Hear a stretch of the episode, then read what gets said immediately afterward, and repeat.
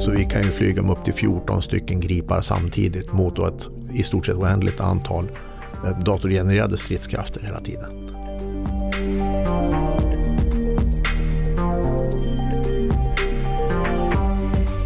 Den här typen av anläggningar är ju hemliga så tillvida det som görs i anläggningen eh, det skyltar man ju inte med. Så vi vet egentligen inte vad andra länders anläggningar kan och inte kan och hur de används.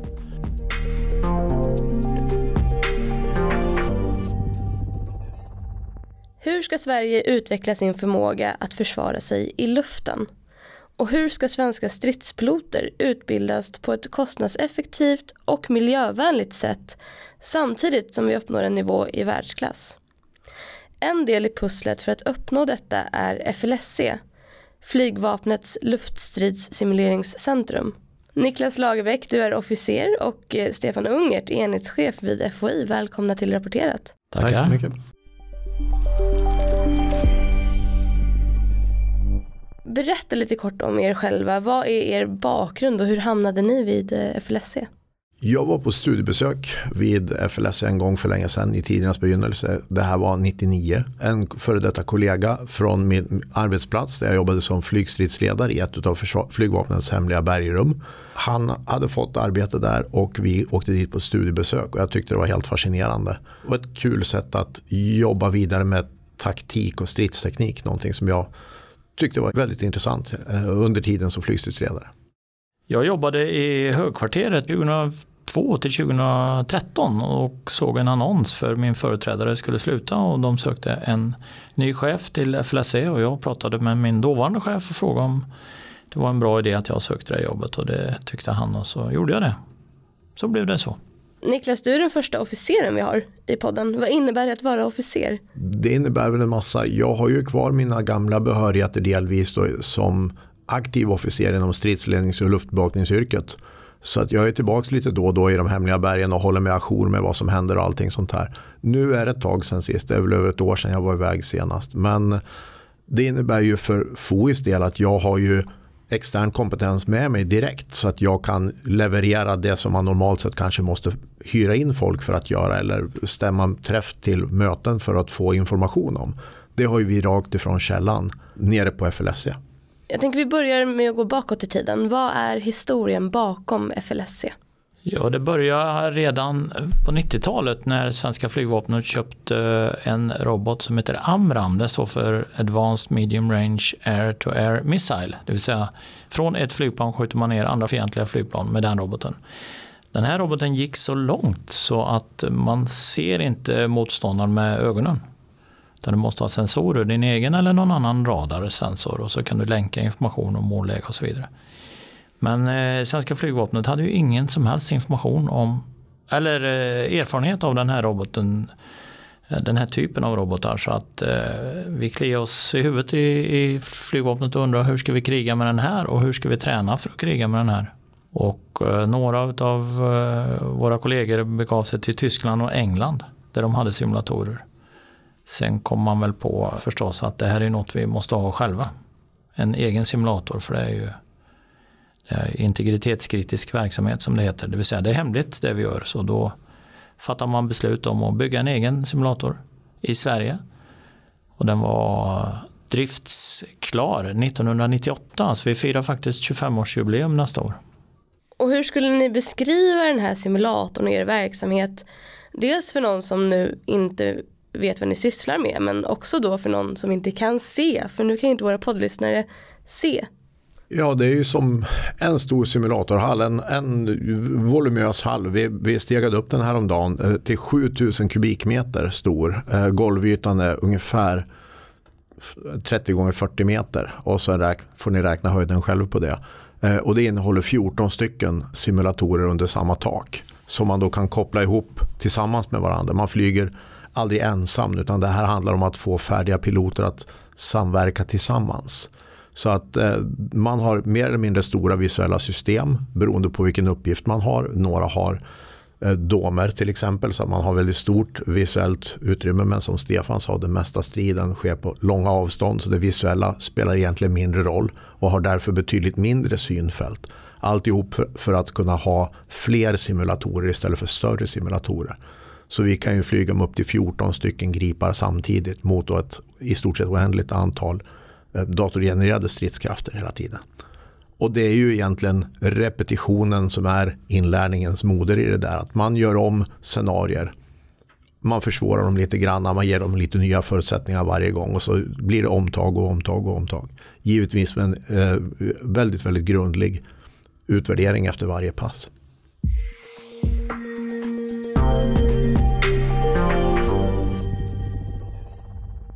Och vilka typer av förmågor är det som man kan öva upp i det här simuleringscentret? Ja, det är ju egentligen eh, beslutsfattande i svåra situationer. Man kan jämföra med en, en lagidrott, fotbollslag eller ishockeylag där det är många enskilda individer som egentligen är, är duktiga var och en på, på sitt sätt men som tillsammans ska bilda en helhet då för att ja, vinna en match i idrottssammanhang och i vårt fall då så ska man vinna kriget.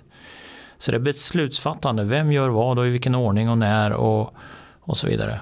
Så det är ganska komplext, någon har sagt att det är som att spela tredimensionellt schack i överljud. Och det ligger väl en del i det tycker jag faktiskt. Vad är det som gör att det är så svårt eller så komplicerat? Ja, det, är, det är ju egentligen alla ingående variabler som kan skifta i gigantisk mängd plus att man har ju motståndare som eh, naturligtvis vill försvåra det för en och, och hur motståndaren agerar det vet man ju inte alltid. Plus att det är ett samspel mellan flygstridsledare och piloter å ena sidan och mellan flygledare och flygledare eller flygstridsledare och flygstridsledare och mellan piloter och piloter. Det är, ju, det är ju det här att det är så oerhört svårt att replikera saker och ting. Bara för att saker och ting råkar gå bra en gång så kan det ju ha varit den enda gången av tusen tagningar som det i praktiken blev exakt just det utfallet. Det, det handlar om att bygga en konfidens i vad man håller på med och en, en repeterbarhet hela tiden så att det inte bara man hade tur den gången. För att bara luta sig tillbaka och tycka att ja, det var väl inget svårt. Ja men då gör vi det igen och igen och igen till vi vet att det var verkligen det som gjorde det. Förutom att eh, träna piloter så måste det finnas andra anledningar att ha ett sånt här simuleringscentrum. Jag tänker på möjligheter att testa utrustning till exempel. Är det något som görs i, i simuleringscentret också? Ja, det görs och har gjorts och inför bland annat vår senaste Gripen-modell som heter Erik då, eller E, JAS 39E. Då testades ju en del koncept och en del valdes ju bort utifrån det som vi kom fram till i FLS och en del valdes in. En AESA-radar till exempel finns det ju och det visar sig i våra simuleringar att det var stor nytta med den. Så eh, studier av olika slag, olika koncept, det har vi gjort och det kommer vi förmodligen att göra framöver också. Det senaste exemplet på det var att vi testade en föreslagen motoruppgradering till JAS 39C Eh, som skulle medge ett, ett, antal procents ökad dragkraft. Och frågan till oss var egentligen inte att titta på logistik och underhåll, det får någon annan räkna på som kan sådana grejer, utan mest se att om man får den här extra dragkraften, innebär det någon fördel för oss i de scenarier vi flyger i? Så att det, det ägnades två simuleringsveckor åt med flygvapenpiloter på plats då för att testa av det här och att vart det här verkligen något bättre. Och resultatet kan jag givetvis inte berätta om naturligtvis. Men, men ändå, vi har ju genomfört det i närtid och vi har ju flera sådana propåer på gång. Då. Hur många olika typer av flygplan kan man flyga på FLSC? Ja, utländska flygplan är representerade också förstås. Och de svenska som vi har, eh, ja, hur många? Gripen, Viggen, SK60 och Hercules, Hercules ja. är de vi kan flyga. Vi byter då inte avioniken så att för piloten ser det fortfarande ut som att de sitter i ett Gripen-flygplan. Även om vissa grejer då, vissa sensorer är bortplockade naturligtvis om man ska flyga en Hercules. Eh, men prestandat känns ju igen väldigt tydligt att det vi kan väl kalla den för lite drögigare, Herkulesen. Den väger ju ändå en rackarns massa ton och ganska mycket större än vad en Grip är. Så att det blir helt andra responser innan man flyger om den naturligtvis. Men jag som lekman skulle inte märka någon skillnad när jag sätter mig? Just den skillnaden skulle du definitivt märka av. Det skulle ja, jag. Det, ja, det skulle du. Det, går, det är en väldig skillnad på hur man svänger. När man, när man svänger, lutar flygplanet till sidled. Alltså det går fort i en Gripen och det går långsamt i en Hercules.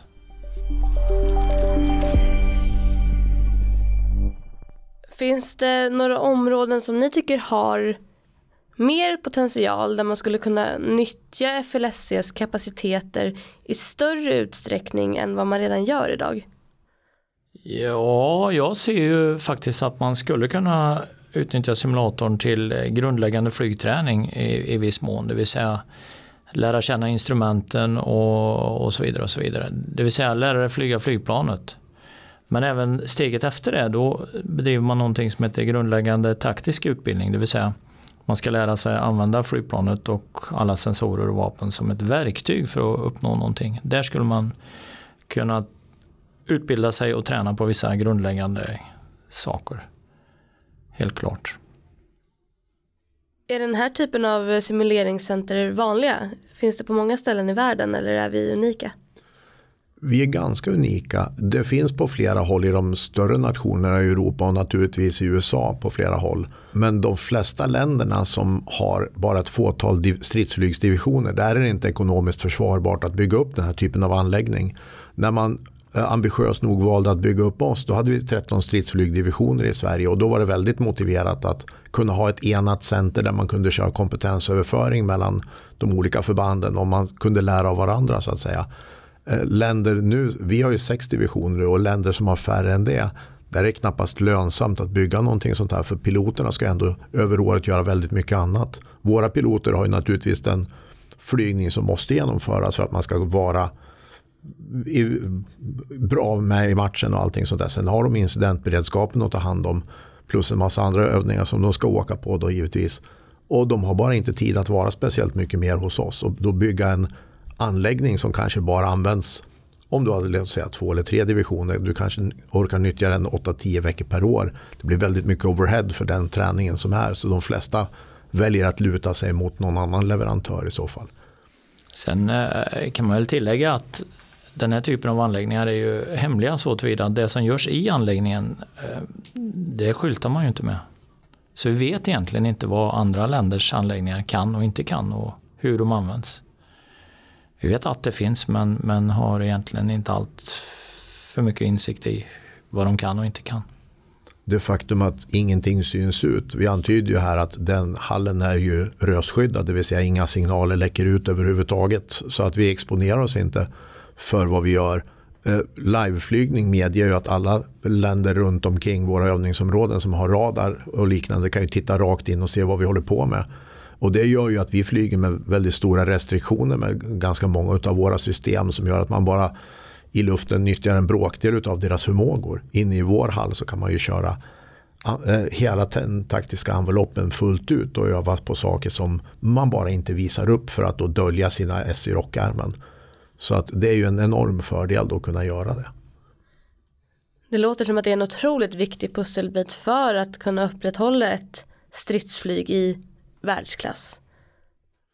Ja, verkligen. Och, och, idag är det inte så. Det finns ingen krav på att du ska vara hos oss ett antal veckor per år för att bibehålla din kompetens. Men piloter som har varit borta från FLS, eller låt säga att de har varit instruktörer på flygskolan under några år. De känner ju sig rostiga och det medger de ju öppet och bara säger, när de kommer hit första gången igen och säger att ja, jag, jag kommer ihåg det men jag har inte den där optimala tajmingen. Eh, och det gör att man är medveten om det i alla fall. Det är ju på väg att införas nu att även den här simulatortiden ska loggas så att det är krav för att du ska kunna behålla din krigsplaceringsbarhet på ett bra sätt så, så, måste du göra ett antal flygtimmar på FLS varje år. Och när det kommer att införas, det vet vi inte bara. Nej, och sen bara det faktumet att vi har faktiskt funnits i 25 år eh, tyder på att uppdragsgivarna uppskattar det vi gör. Sätter värde på det. Ja, jag tänkte lite på det. Hände det något med FLSC och simuleringscentret under nedrustningen? Påverkades vi av det? Egentligen inte. Det var väl nästan så att det var positivt för oss så tillvida att det är billigare att flyga i simulator än i verkligheten. Så att de flög ju i mindre utsträckning men relativt sett hyfsat mycket hos oss ändå. Uppgiftsmässigt så blev det ju en förändring om än inte i volym.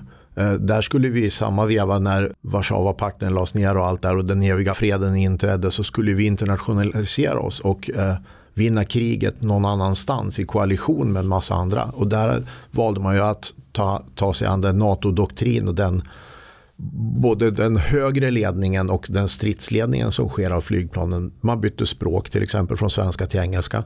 Man bytte från SJ-enheter till knop och fot helt plötsligt. Eh, och allt det här var man tvungen att öva in då för att vissa manövrer går alldeles utmärkt att göra från 10 000 meter med ett Viggen eller ett Gripen flygplan men försöka samma trick från 10 000 och det är fot istället. Då blir det bara ett stort hål i backen utav en själv och flygplanet. Så att där var det väldigt mycket metoder och procedurer som man övade. Så under, jag skulle säga från 2001 till 2008 var väl den största delen vi gjorde eh, scenarier som var kopierade från den insatsen NATO gjorde i Kosovo. Där man övade att upprätthålla no-fly zone. Så det var flera nationaliteter inblandade med olika förmågor på flygplanen och sådär. Och det var vårt smör och bröd där under ett antal år där man i princip bara gjorde det.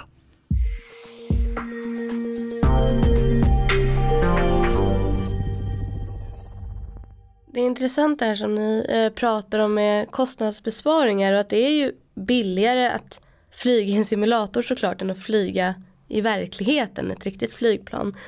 En annan uppenbar fördel är ju också miljöaspekten. Finns det några siffror på hur mycket utsläppen minskar eller hur mycket kostnadsbesparingar vi gör genom att använda simulatorn?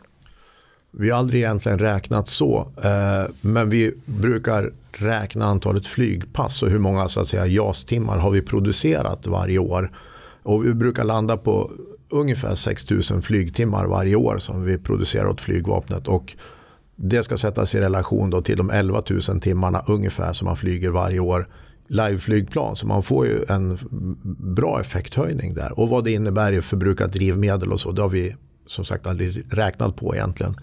Miljö är ju en massa annat också. Vi har ju buller som vi utsätter folk för. Om vi ska flyga våra fulla envelopper och kunna använda systemet fullt ut så måste vi kunna flyga i överljudsfart på alla höjder där vi behöver det. Och, och det kan vi bara förklarliga skäl inte göra i, i vår del av världen. Och sen dessutom om du någon gång har tittat på flight radar och ser hur densiteten med flygplan är över våra i närheten av våra gränser så är det ju en omöjlighet att få plats med de övningar vi behöver göra för att få ut bra effekt av det. Så att det finns väldigt mycket att vinna på att göra det i simulatorer hela tiden.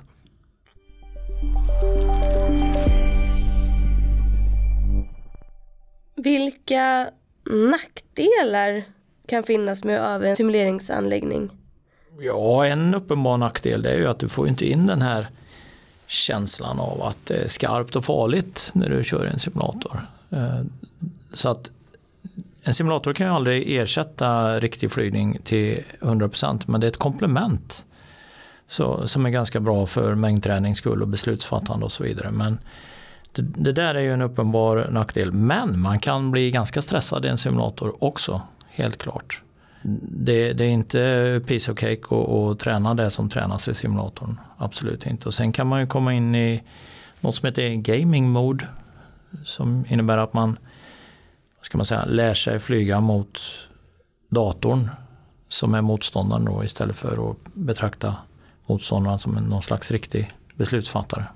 Hur stor skillnad är det med, jag tänker när man sitter i ett flygplan och särskilt ett sånt litet så känns väl alla rörelser ganska mycket vid en liveflygning så att säga.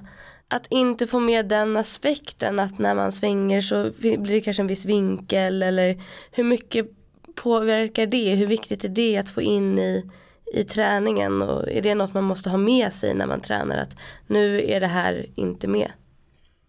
Det är ju ett medvetet val att vi har valt att inte ha det här eh, stressfaktorn på kroppen eh, i simulatorn. Det kostar oftast mycket mer än vad man får ut av det. Det har forskats såklart på det där och det är ett fåtal procent påslag i, i realismen egentligen.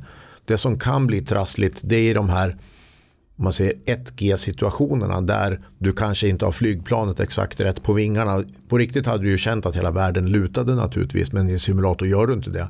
Så det händer lite då och då att det blir lite sådana här jösses situationer när piloten får rädda läget och lite grann tappa greppet över striden i det där. Och det skulle ju såklart inte ha hänt på riktigt då. Men att försöka bygga in den typen av funktioner kostar otroligt mycket pengar. Och tillför det ändå väldigt få procent i träningseffekt. Så då, då är det bättre att piloten får de upplevelserna IRL. Han måste ju ändå flyga sina flygtimmar och då kommer de på köpet. Det, det uppenbara är ju G-belastningen som man inte får i en simulator. Det, det vill säga om du svänger eh, brant i luften så är det ju som att åka värsta karusellen på Gröna Lund eller Liseberg. Det, det är ganska jobbigt helt enkelt. Det är det ju inte i simulatorn. Men det som tränas i, i, i, simula, i våran simulator det har inte så stor betydelse för den typen av träning och beslutsfattande som faktiskt övas.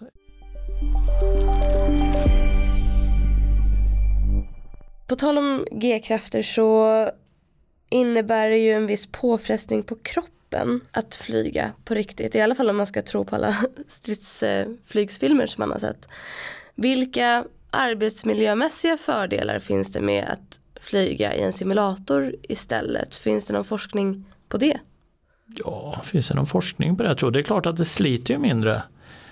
Sliter man... det på kroppen att flyga på riktigt? Ja, det gör det. Det gör det.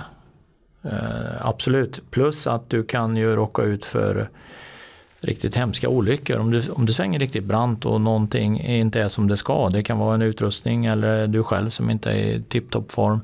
Då kan du ju till och med bli medvetslös och störta. Det har hänt i USA flera sådana olyckor. Och sannolikt har det hänt minst en olycka i Sverige på grund av det. Det vet man inte riktigt. Det är svårt att fastställa i efterhand. Men du kan bli medvetslös av en hög G-belastning, det vill säga en brant sväng i hög fart.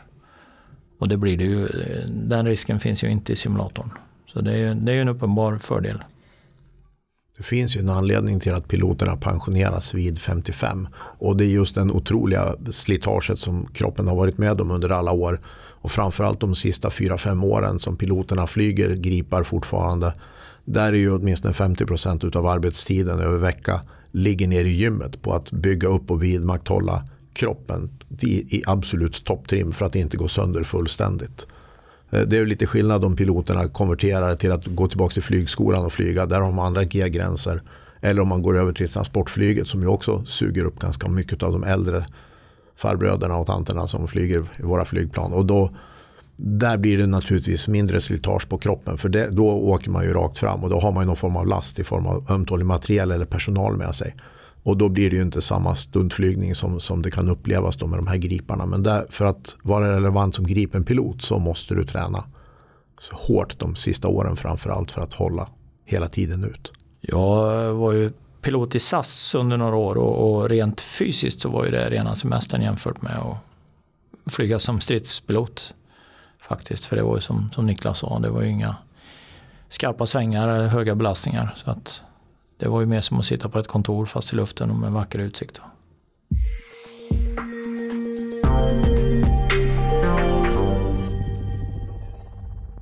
Vad krävs då för att driva den här typen av simuleringsanläggning i termer av resurser? Och det är sådana som Niklas som är experter på det här. Och så behövs eh, ju duktigt, kompetent folk Eh, som kan eh, hårdvara och mjukvara och så behövs det naturligtvis lokaler och beställningar i form av pengar till det här. Då. Vi har ju extremt bred kompetens inom många, många områden. För det är ju alltifrån modellfolk som kan simuleringsmodeller ner i minsta detalj. Eh, vi har ju hårdvarumänniskor som är bra på att bygga upp nätverk och, och se till att vi har bra kapacitet på sådana grejer och se till att hålla allt vid liv.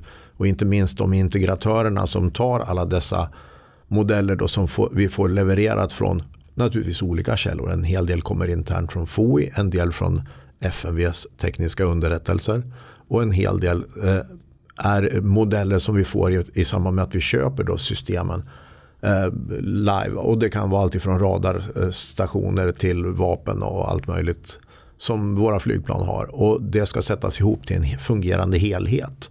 Och det skulle jag säga att det är, ju, det är kanske det allra, allra svåraste med att driva den här typen av anläggning. Att få den kom, breda kompetensen och få folk att stanna kvar.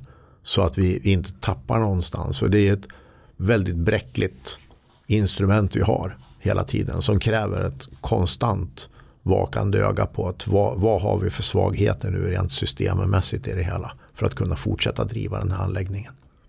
Eh, det kanske är svårt att tipsa om lästips på ämnet med tanke på att ni driver en väldigt praktisk utvecklingsverksamhet men för den som ändå är nyfiken på FLSC, var kan man läsa mer om luftstridssimuleringen? Ja, det finns inget publicerat om oss vad vi vet i alla fall. Inte av oss kan jag säga. Det kanske finns någon annan som har gjort åt oss. Däremot så gjorde ju flygvapnet en YouTube-serie för ett par år sedan som heter Vägen till stridspilot. Och ett av avsnitten, nummer 15, det handlar om verksamheten på FLS där man får följa ett pass eh, där en division är här och övar. Då. Och sen finns det en liten, ett bihang till det som förklarar lite grann av den här striden, fjärrstriden som, som Stefan nämnde.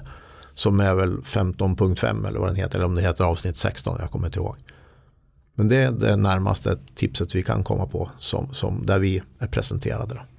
Sen har det skrivits i diverse bloggar, bland annat Wiseman Wisdoms blogg.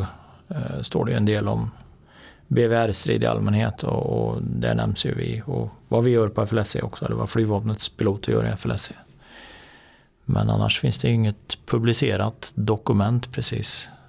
Finns det något ställe i Sverige som är liksom öppet där en eh, privatperson kan gå och få testa att flyga på det här sättet som, som ni kan göra?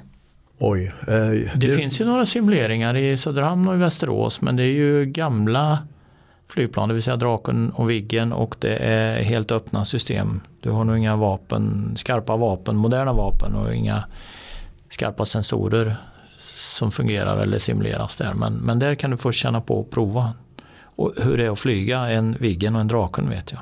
Men det är ju enskilda flygplan, det är, alltså, det är ett flygplan så du flyger inte mot flera andra som vi kan göra i FLSC. Och ni ska få en fråga jag aldrig ställt i podden förut som ni inte har fått förbereda er på. Kan ni säga flygvapnets luftstridssimuleringscentrum snabbt fem gånger? Börjar du Niklas? ja, det är nästan mission impossible. Eh, det är, ja, vi provar. Flygvapnets luftstrids det, det slet sig på första försöket. Det är lättare att säga FLS, FLS, FLS, FLS, FLS. Ja, det är mycket lättare. Ge ett försök, Stefan. Flygvapnets luftstridssimuleringscenter, Flygvapnets luftstridssimuleringscenter, Flygvapnets luftstridssimuleringscenter, Flygvapnets luftstridssimuleringscenter, Flygvapnets luftstridssimuleringscenter. Wow! Jag är väldigt imponerad både över eh, er och eh, över FLSC. Tack för att ni kom hit. Ja, tack själv. Tack för att vi fick komma.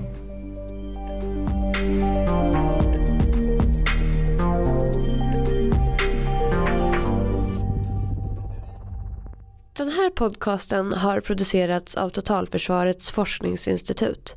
Jag som pratar heter Madeleine Filander och i poddredaktionen sitter även Albert Hager Bernats och Maria Hugosson Bygge.